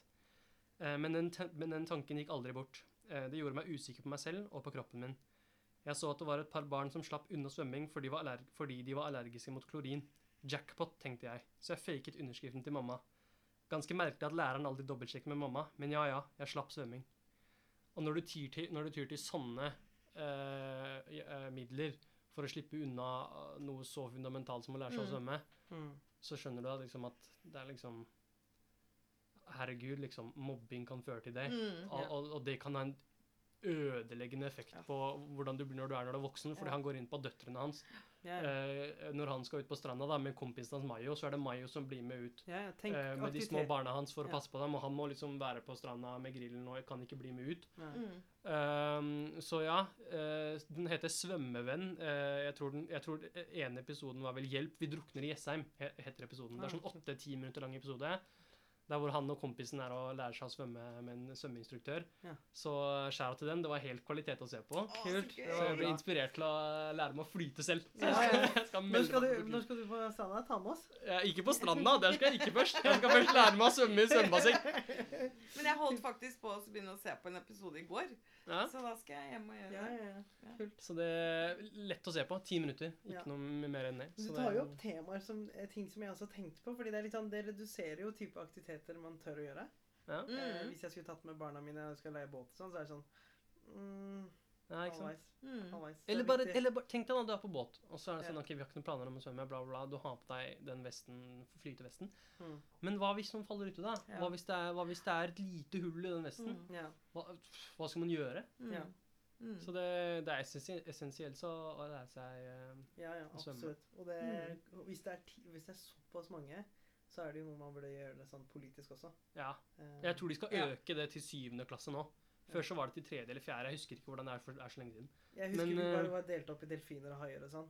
Jeg var, Ja, ja. jeg var en sykt Altså- dårlig delfin, for å si det sånn. Ja, men det er ofte det at hvis man har én dårlig opplevelse, da, Ja. første gangen eller andre gangen, som jeg hadde, eh, så er det sånn at man man bare bare holder seg man, ikke, Man- ikke at man holder seg unna. Jeg er veldig glad i å liksom være i vannet. Jeg kan være i vannet på Ja. stranda et eller annet sted, men jeg går liksom ikke til der hvor jeg ikke klarer å stå. Nei, nei, jeg. For da, da, da får jeg packeren. Mm. Så, Helt enig. Og så er det sånn at når man prøver, først prøver å flyte, da, så er det sånn Å, nå, nå går det ikke. Og så begynner, får du panikk med en gang. Ja. Og da, det hjelper jo ikke i det hele tatt. Da er det game over. ja. Ja. Og det å lære seg å ikke få panikk, det kan hjelpe deg både i svømming og i vanlige situasjoner. Mm, Og det får man først- jo av å ha kontroll, ikke sant? Ja. Og Mm. ha kunnskap og Mm. Så når du er i den klemma, da, i en, en helt vanlig hverdagslig klemme, der hvor du er sånn OK, nå begynner panikken å slå inn. ja. Mm. Hvis du har lært deg å liksom holde roen under i situasjoner som i svømming, så kan akkurat den samme følelsen kicke inn i Mm. de hverdagslige mm. situasjonene. Mm. Men jeg tror, som du sier altså Du er inne på to veldig viktige ting, spesielt det der med i forhold til mobbing og en del sånne ting. Eh, hvor man begynte Jeg tror at eh, svømming Man begynte så sent som i fjerde-femte klasse. Altså at det var ganske Mm. sent start på eh, svømming i skole, da.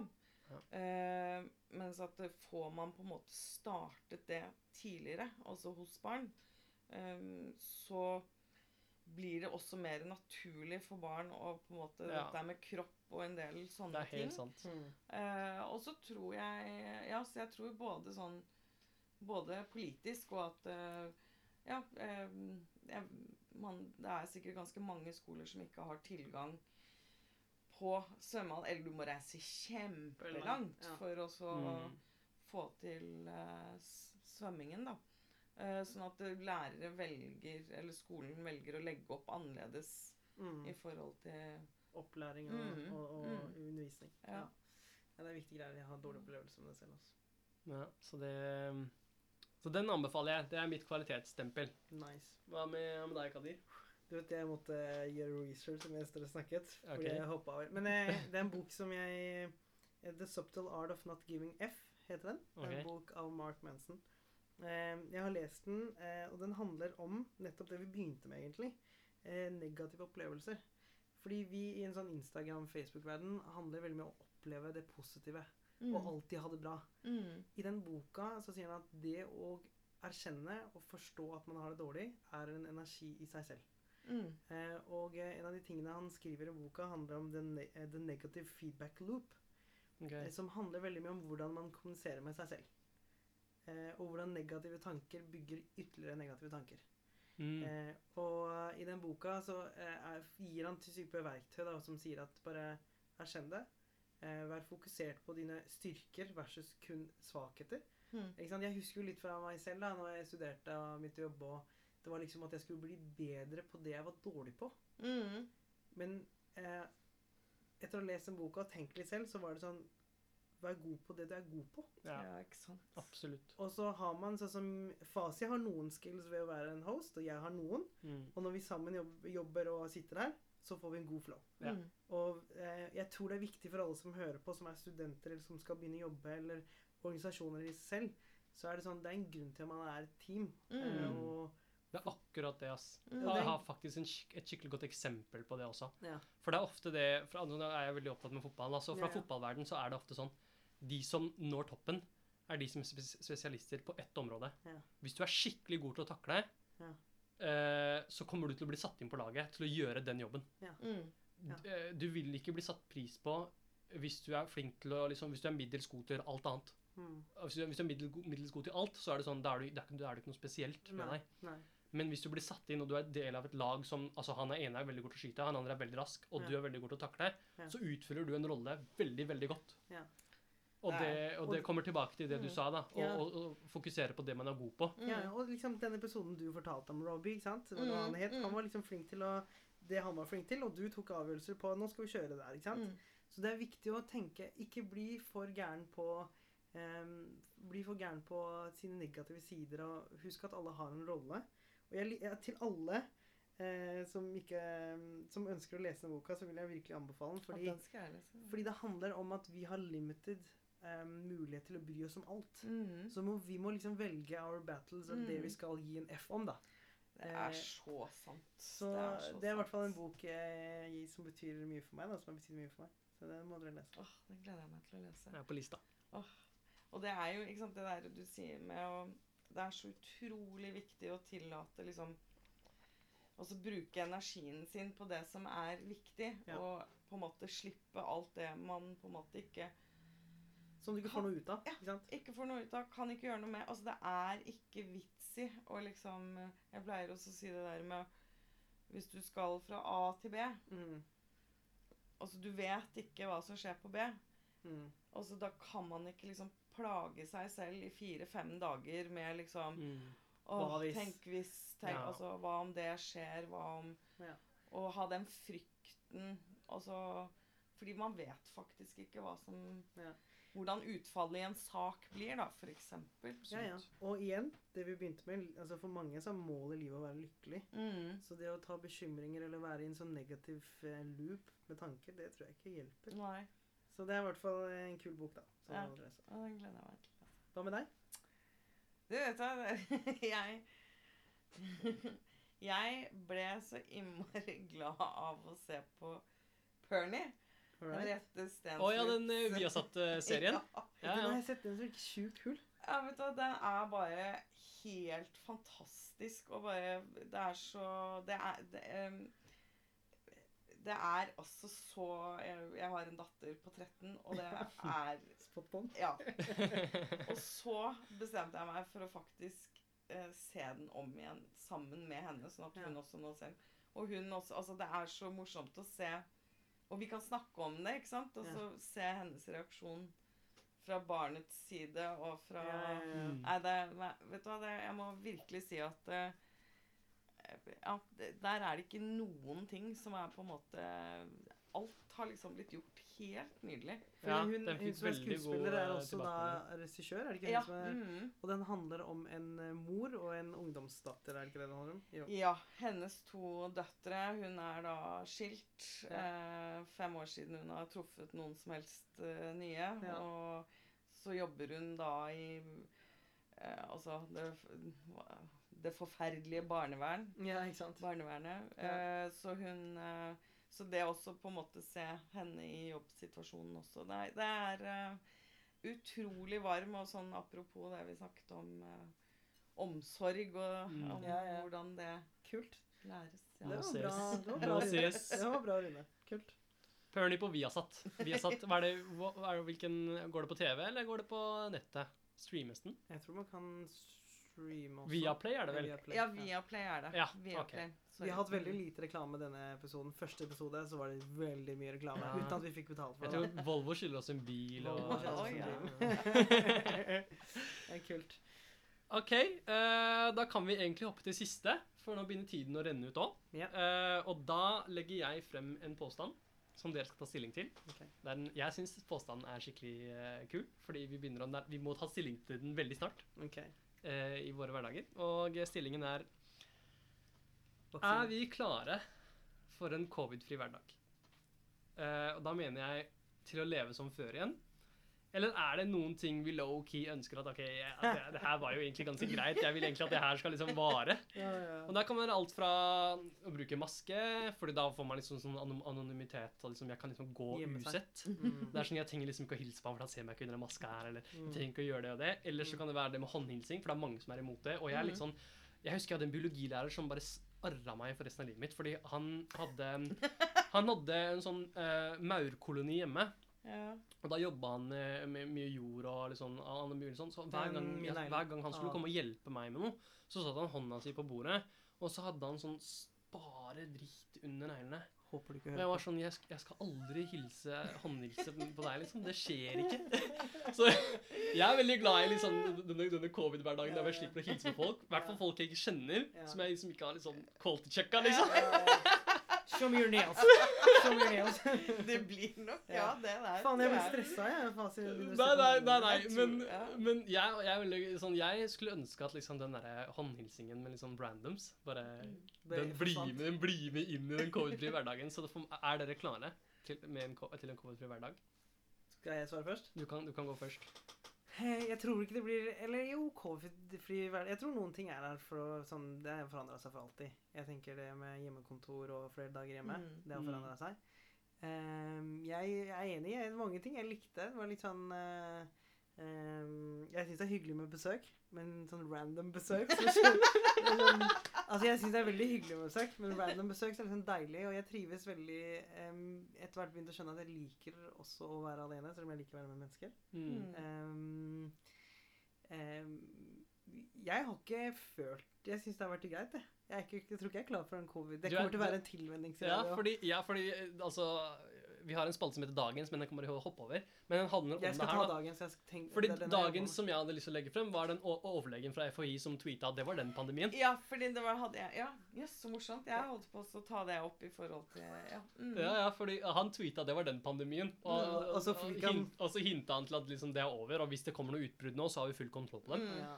Og så kom, ble han jo liksom satt tilbake. Fordi de, hvis en overlege med så mye autoritet sier det, så tar folk det seriøst, og liksom folk er sånn OK, nå kan vi gjøre hva vi vil. Mm. Så de måtte gå ut og si at nei, dere må fortsatt liksom holde dere til reglene. Men en ting jeg syns var veldig bra, og som jeg tenker at han også kanskje hadde litt fokus på i var at nå er det på tide å se utover i verden. Mm. Altså ikke bare liksom ja, riktig. Og fordi det var noe du For det var noe han sa. Ja. Ja, du mm. snakket om det når du kom Mm. her. Mm. Eh, men du tenker kanskje på utover verden, utviklingsland og vaksiner? Ja, ikke sant? Og vaksinen. At nå må vi faktisk hjelpe til å stoppe pandemien i resten av verden. Ja. Altså, Ja, det er et godt poeng, og det um, Jeg tror ikke Ja, for å svare på spørsmålet, jeg tror ikke jeg, er helt klar. Alt sånt trenger tilvenningsperioder. Jeg syns det er greit.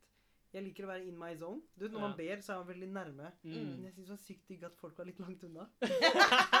så anyway. Men eh, det var kanskje meg. Hva med deg? Jo, altså Jeg må si at jeg, jeg, altså jeg bare gledet meg enormt til sommer. Ja, det snakket vi Ja. om i sted.